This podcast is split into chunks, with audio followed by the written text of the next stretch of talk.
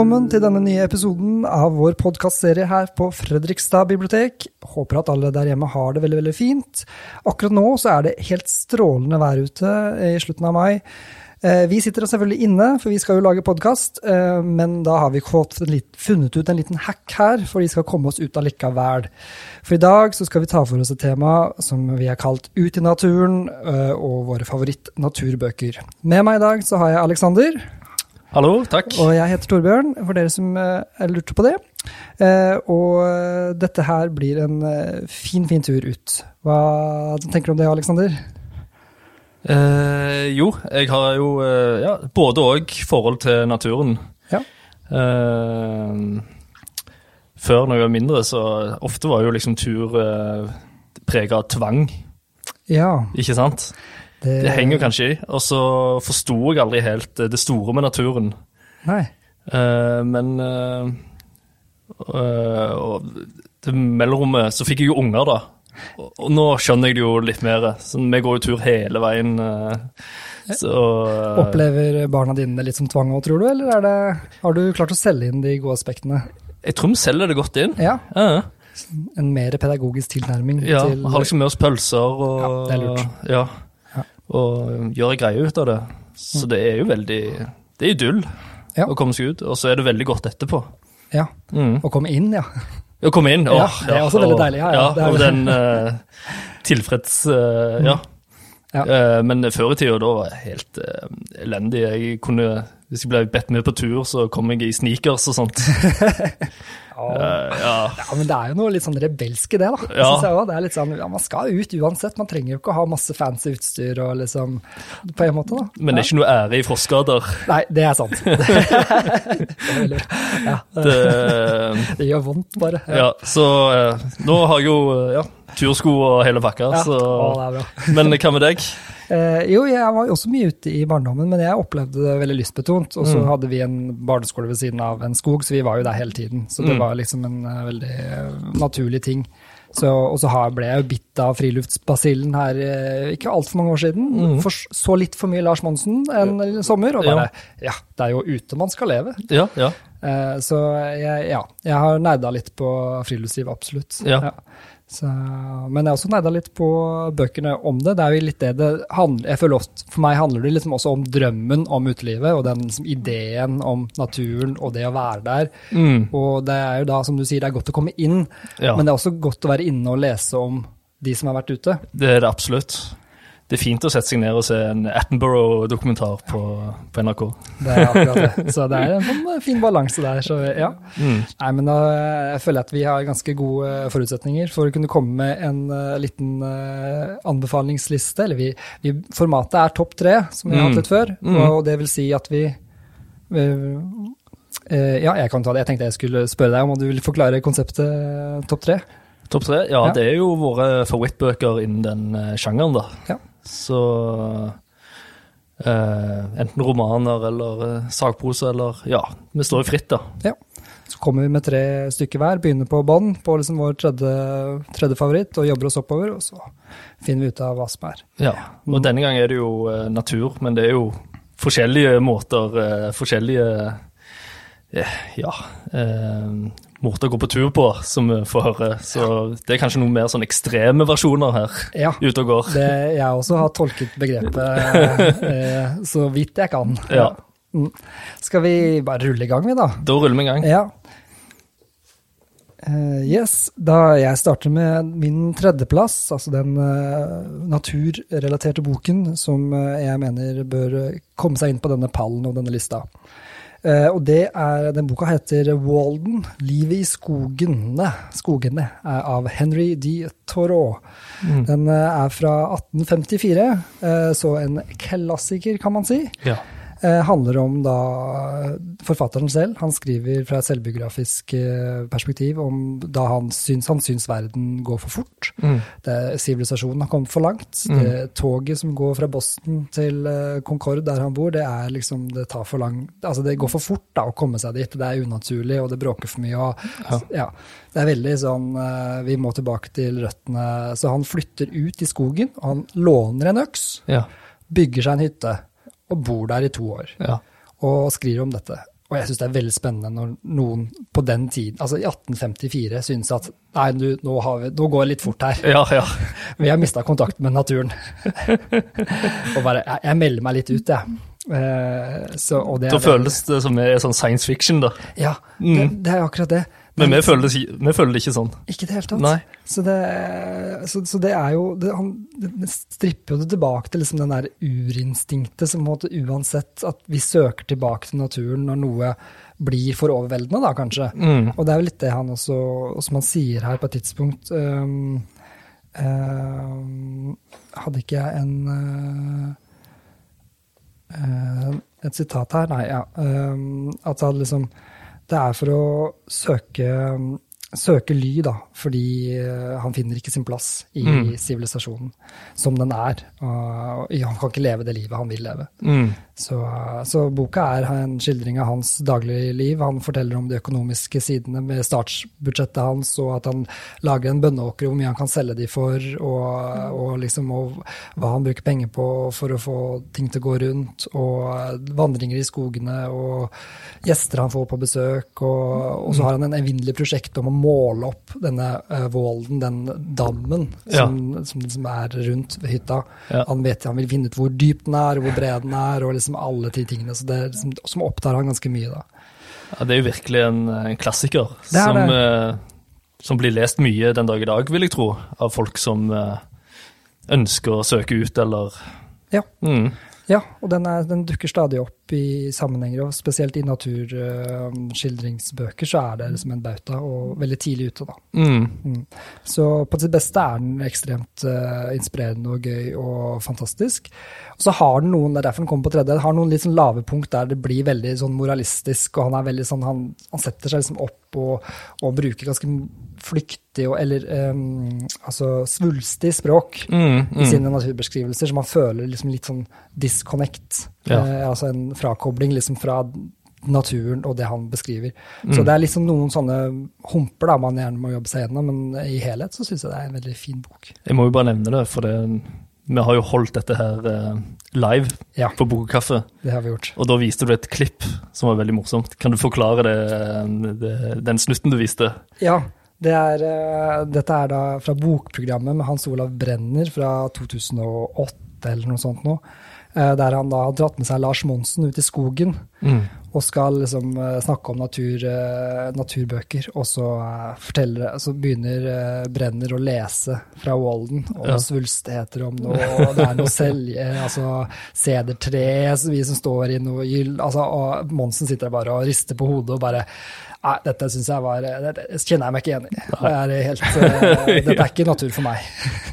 Det var, det var nesten så han ble litt sånn kvalm. Ja, Ja. Sånn der, det, og det er akkurat det. Det er litt sånn derre De som er utenfra på en måte, han er jo, Lars Monsen er jo naturens mann, og så får du på en måte skal disse kunstnerne komme inn og liksom på en måte si noe om dette, og så har de misforstått litt, kanskje. Ja, Men, eh, men han var enig, han likte jo prosjektet. ja det gjorde Monsen støtter jo at dette, og at, han, at uh, Thoreau har fått eh, folk til å flytte ut i skogen, det, det var tommel opp. Så, Ja, ja. ja, eh, så det, det er klart det. Det er eh, mixed eh, mottagelser noen ganger på disse tingene. Ja. ja. ja men det var en uh, veldig fin uh, tredjeplass. Absolutt, det er masse å si om den, men Ja. vi går videre. Vi er jo Ja. flere tredjeplasser her i Mm. rommet. Hva har du hatt med deg, Ja, Alex? når, eh, når vi hadde det live, så hadde jeg jo eh, en liste. Mm. Nå har eh, den endra seg. Hæ? Så lista Har vi endra lista? eh, Lista endra seg. Det skjedde noe. Yes. Ja, det, ja. lister er jo ikke statiske. lister skal være organiske. Det skal det. Ja, organisk. Ja. Mhm. Det er ordet. Uh, og jeg kom over en bok, Ja vel.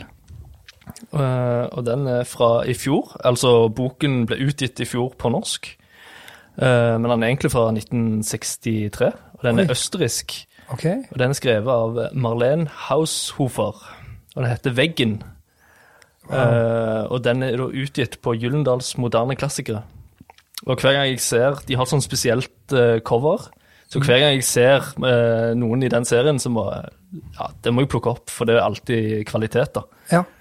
Uh, de har utgitt uh, Alice Munro og Camus og, og Men uh, hun her, hun hadde jeg ikke hørt om, så jeg ble jo ekstra nysgjerrig. Det er en god innstilling til bøker, Ja. Alexander. Ja, takk. Ja. Eh, og så begynte jeg å lese, og språket var bare Ja, sånn jeg elsker at språk skal være. Altså ned, nedpå, filosofisk. Uh, og det handler jo om en, uh, en kvinne som jeg aldri får vite navnet på. Nei. Som er med søster og mann på hytta. Og, og vi er ikke sånn langt tilbake i tid. eh, Vi er nok liksom på 60-tallet da, når, når den kom ut. For han kjører en Mercedes, han svogeren hennes, da. Kjører Mercedes. Ja, han kjører Mercedes, ja. Og så har de en veldig sånn fin jakthytte oppe på fjellet der. Eh, men så en dag så skal de eh, skal de andre opp på, på et fjell og spise eh, lunsj eller noe sånt. Mm. Eh, men så kommer de ikke tilbake igjen. Nei. Og så rett før hytta så merker hun at det er en usynlig vegg som stenger hun ute. Og hun har en sånn kikkert så hun ser, liksom, kan se. eh, og så virker det som alt utføre er liksom frosset. Altså, hun ser en sånn, eh, en, sånn, eh, en som har vært på jakt, sikkert. Som er bare Ja, som bare stivnet, er stivnet. Ja, wow. Ja. Det er, jeg så for meg snølandskapet. Ja, men, ja, ja. Eh, så tydeligvis da noe har skjedd der ute, Mm. og hun er stuck eh, der inne i, den eh, bobla. Sammen med en eh, hund, en katt og en, og en ku. Eh, og så Første vinteren da, så bestemmer hun seg for å begynne å skrive ned eh, ting, da. Så ja, filosofisk og spennende, faktisk. Og ja, en fin oppdagelse. Ut i naturen, Ja. virkelig. ja, ja. Åh, men dette er, det er et veldig fint bilde av hvordan måtte, altså, ja, Nå blir det jo sånn spontantolking fra meg her, men det Mm. at du, når du er ute i naturen, faktisk er i stand til å kunne fryse livet Altså Ja. du på en måte kan se på livet ditt som en statisk tilstand og gjøre Mm. vurdering ut ifra det, da, men fortsatt leve liksom i en Mm. eh, altså Dagen går fortsatt likevel, da. For Ja. du klarer Du får jo på en måte en pause fra hverdagen, da. Ja. Så det er et veldig sånn spenstig litterært grep hun har gjort her. Ja. Så det er jo en eh, Jeg vil- jo kalle det en eh, dystopi. Ja. Uh, Så Er den, men er den mørk, eller er den, hvordan er liksom tonen? det kommer helt an på sinnsstemninga. sinnsstemning. Ja, og Mm. det er det beste. Ja. Jeg elsker sånne bøker der Ja. en måte, der du er veldig delaktig i, Mm. i tonen i språket, Ja. basert på hva du kommer inn i boken med. Ja. Så du er jo inne i hodet hennes så, som oftest. Så, så ja, det er jo en sånn moderne Robinson Crusoe, kan vi vel si. Mm. Dette, dette er veldig spennende. Ja. Det, ja, kult. Så- Veldig bra anbefaling. Så hun her var jo uh, stor i Østerrike. Jeg, av en eller annen grunn så liker jeg østerriksk litteratur. Jeg vet ikke hvorfor, men det, det er noe med språket og Ja. Ja. Så kan jeg få lese et lite Selvfølgelig. Mm. Jeg vil gjerne høre. Egentlig trives jeg godt i skogen. Jeg gruer meg litt for å måtte dra herfra. Hvis jeg overlever på den andre siden av veggen, skal jeg komme tilbake hit. Ofte tenker jeg at det måtte være fint å være barn, og oppdra barn her. Eh, Et paradis, mener jeg. Skjønt. Jeg tviler på at mine barn ville likt det noe særlig. Nei, det hadde de nok ikke.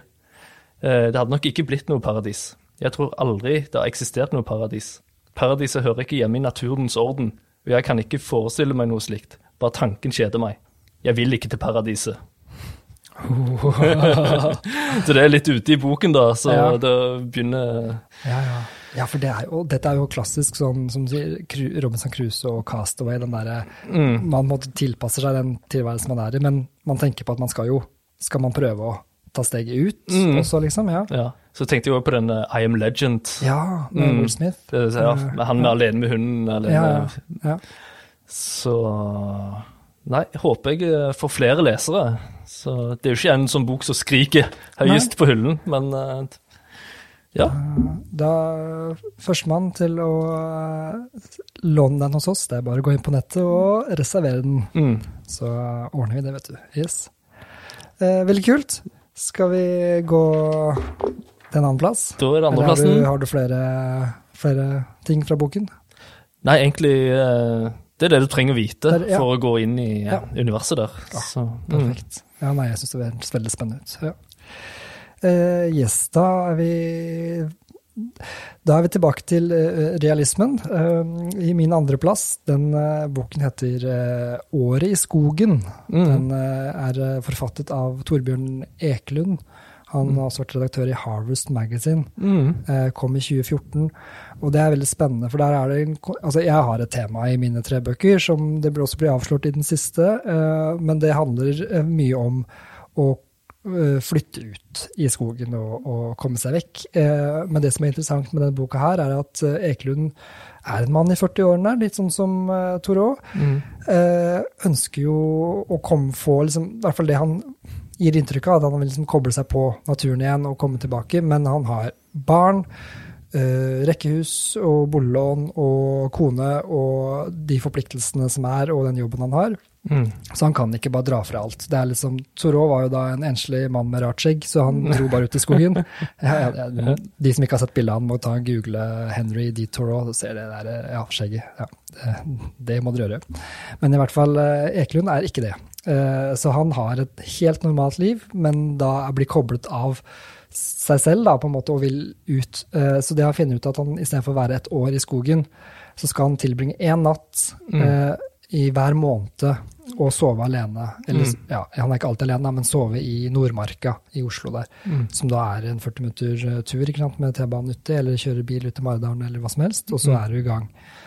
Uh, så det å ta et sånt stort prosjekt og alle de filosofiske vurderingene hans og Han gjør jo som Thoreau og, og liksom prøver liksom å, å, finne ut av hvordan livene våre er designa ut ifra hva vi kan observere naturen, og hvordan de tingene henger sammen, og hvordan alt dette her men han gjør det jo gjennomførbart. Mm.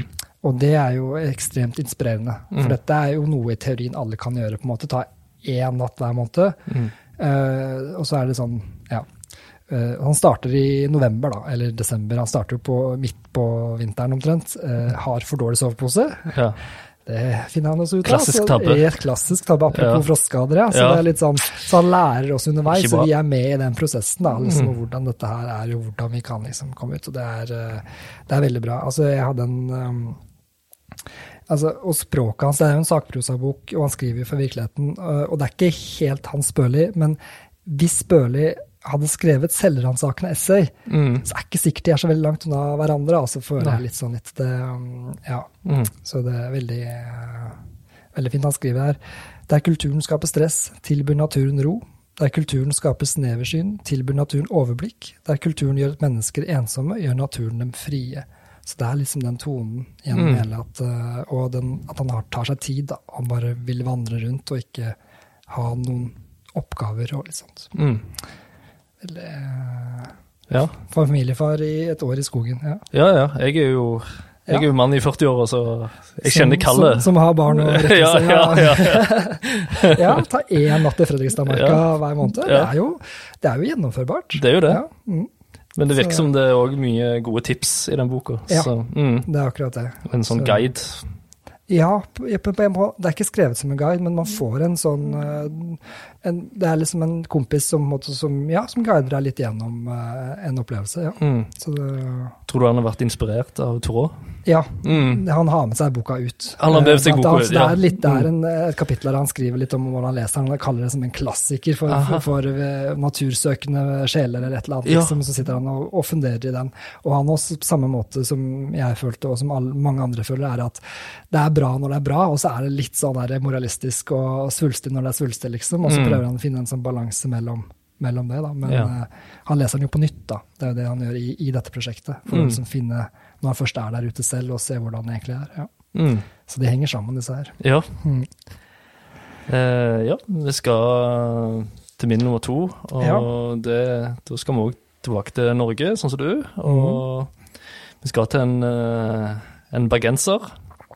En bergenser. Yes. Ja. Og det er en som heter Thomas Espedal.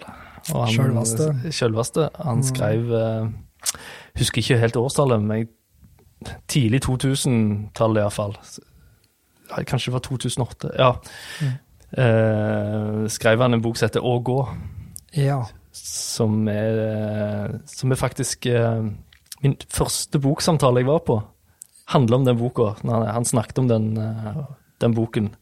Uh, og da reagerte jeg eh, som publikum da, på at han eh, For han leste fra starten av at eh, han, han eh, finner på at han vil eh, Han har fått nok av å sitte inne.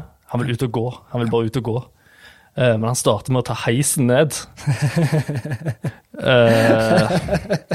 Jeg syns det er rart at han ikke valgte å gå trappene. Men tilbake til boken.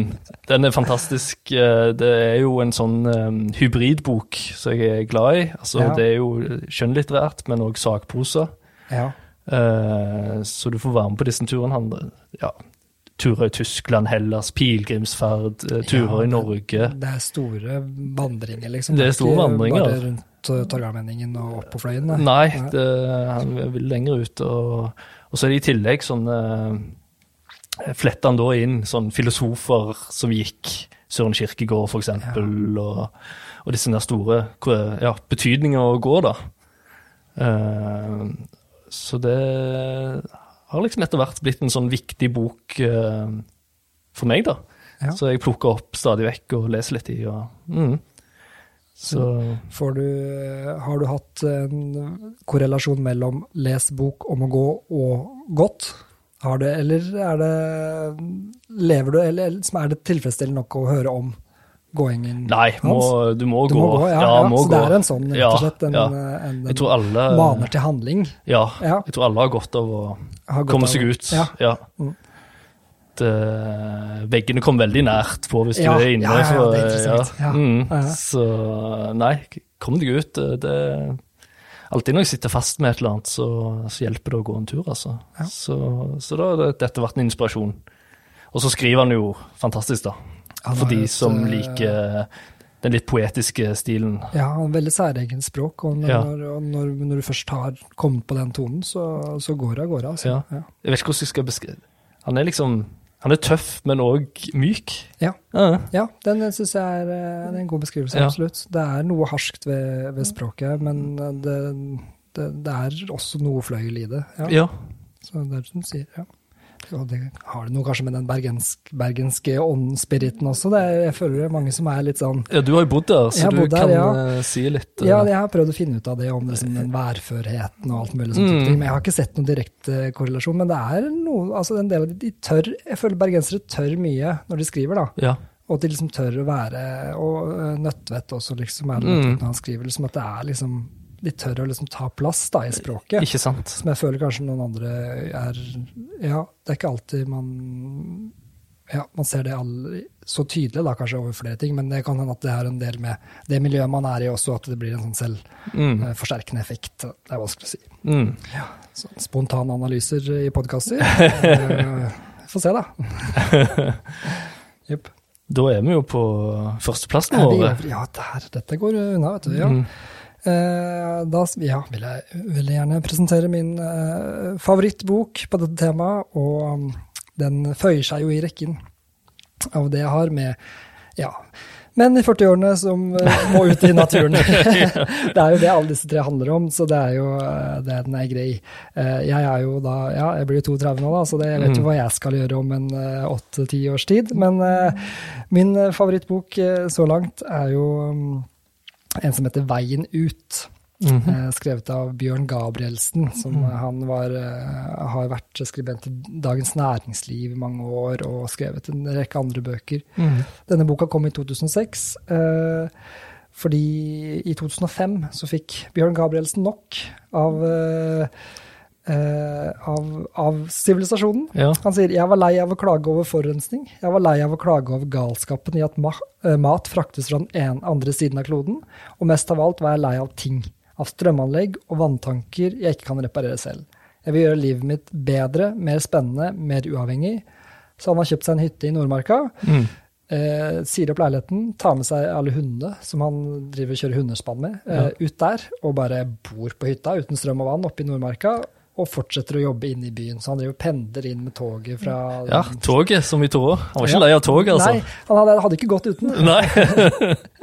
for han driver fortsatt og skriver for Dagens Næringsliv. Ja. Eh, Så han bor der oppe og, så og sitter der oppe og leser bøker som han anmelder, og, liksom, og drar inn på kontoret i Skippergata. Liksom. Så det, kontrasten er så stor. da. Mm. Uh, og bare liksom Jeg er lei, uh, jeg drar. Mm. Uh, og den type får koble seg på og liksom Ja, og igjen samme ting, at det er mye av det handler om skildring av hverdagsliv og kontrasten det i forhold til hva vi er vant med.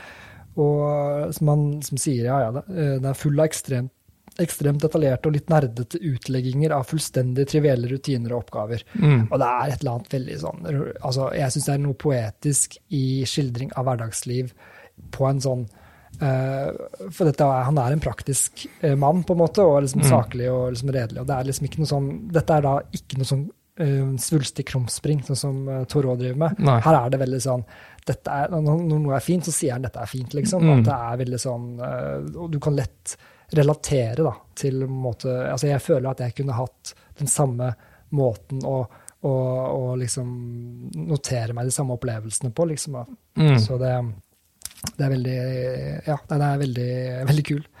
Så han flytter ut der, bor der et år, skriver en bok om det. Mm. Suksessoppskrift. Ja.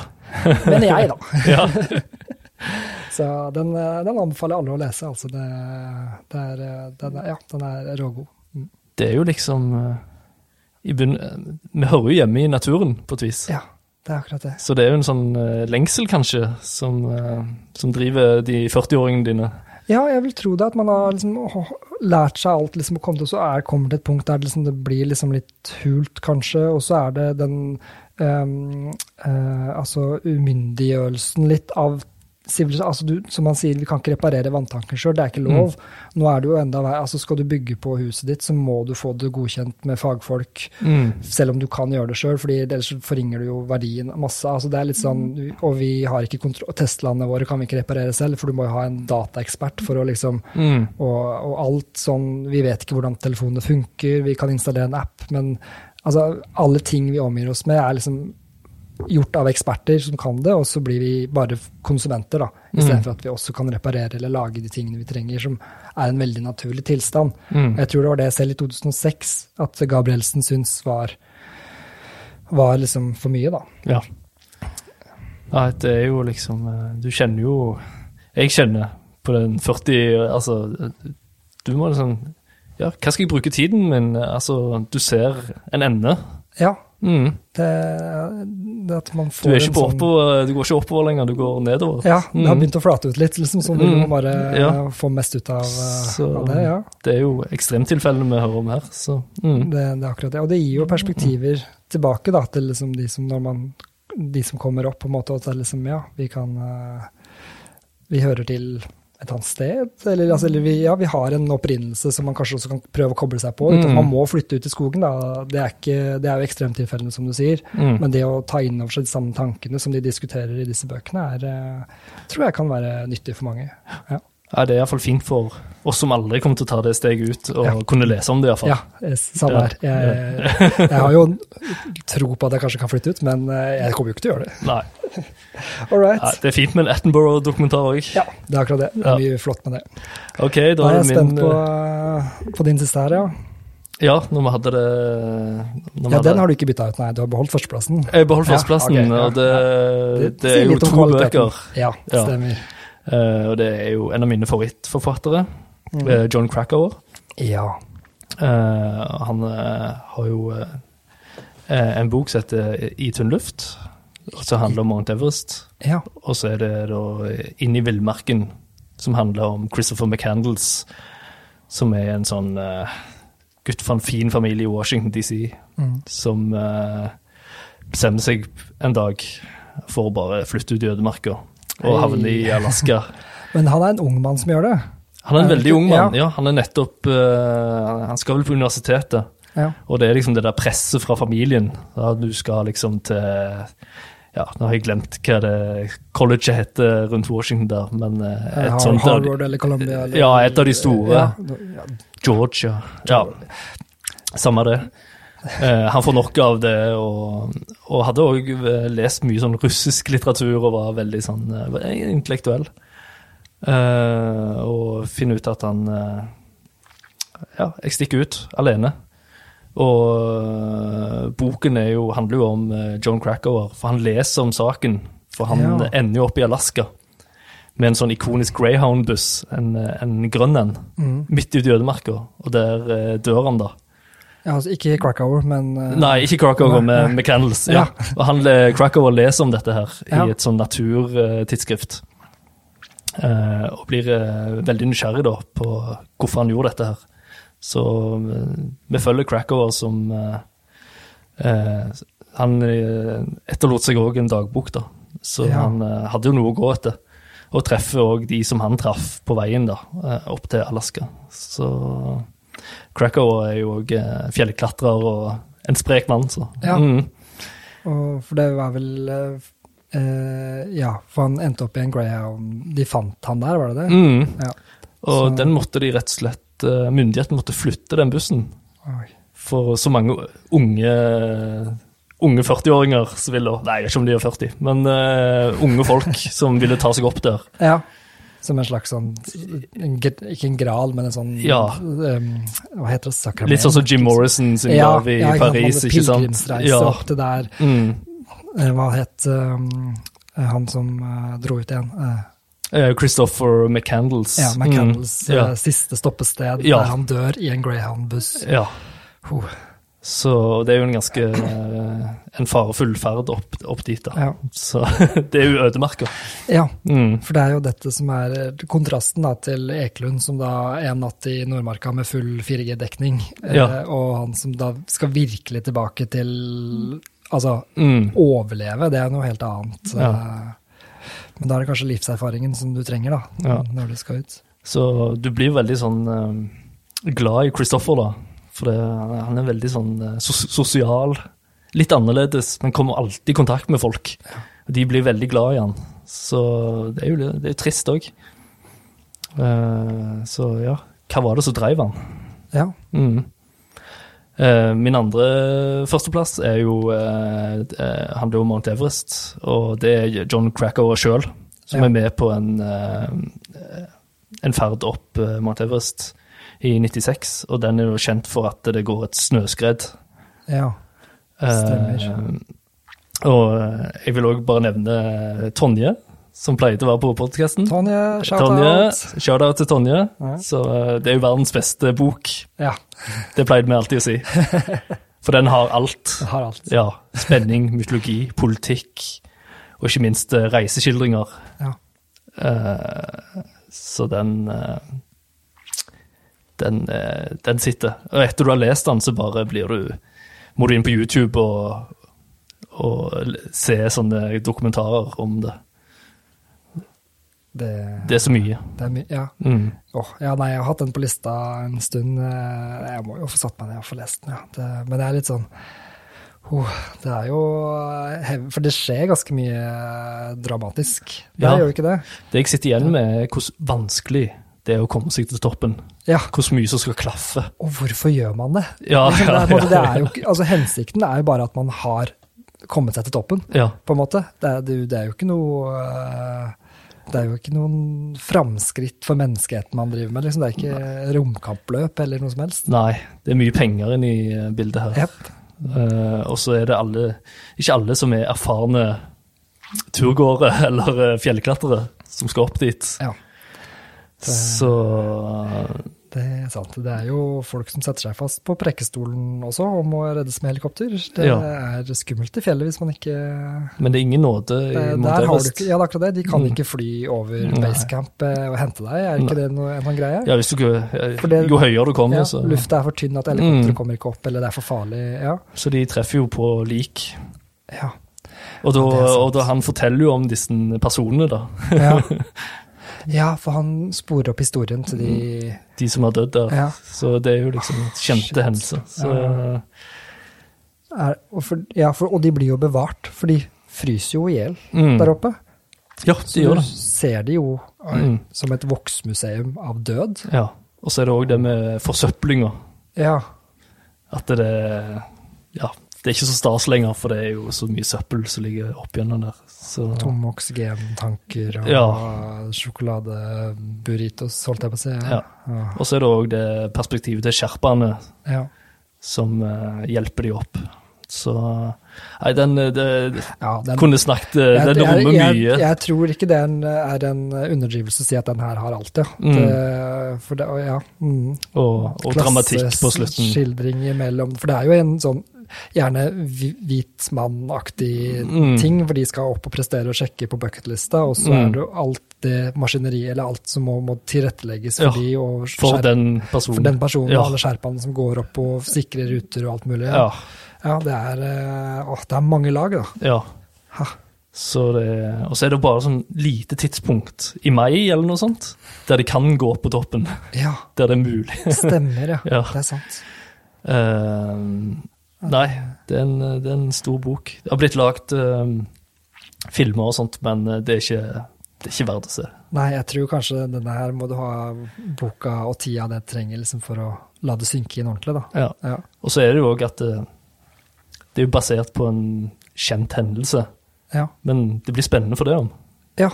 Så det, Det er jo det beste. Det er samme som Ja, det er rart at Titanic funker som Mm, film, på en måte. ja, Vi vet mm. jo hva som skjer, Ja, ikke sant? men uh, vi er bare spent på hvordan. Ja. Så ja. Nei, det er Nei, det- en av de ultimate bøkene. Ja, er veldig veldig bra tips. Det, det er en god, god avslutning på eh, topp tre ut i naturen eh, der. Hvis du ikke har flere Nei, nå tror jeg jeg har vært ja. innom uh... Da er det vel bare én ting som gjenstår å si, og det er jo kom dere ut en tur og sving innom biblioteket og få med dere noen uh, bøker samtidig. Så kan man jo nyte sommersolen uh, i naturen med et par gode skildringer fra turer man kanskje ikke trenger og tør å ta. Så ha så lenge, vi høres senere.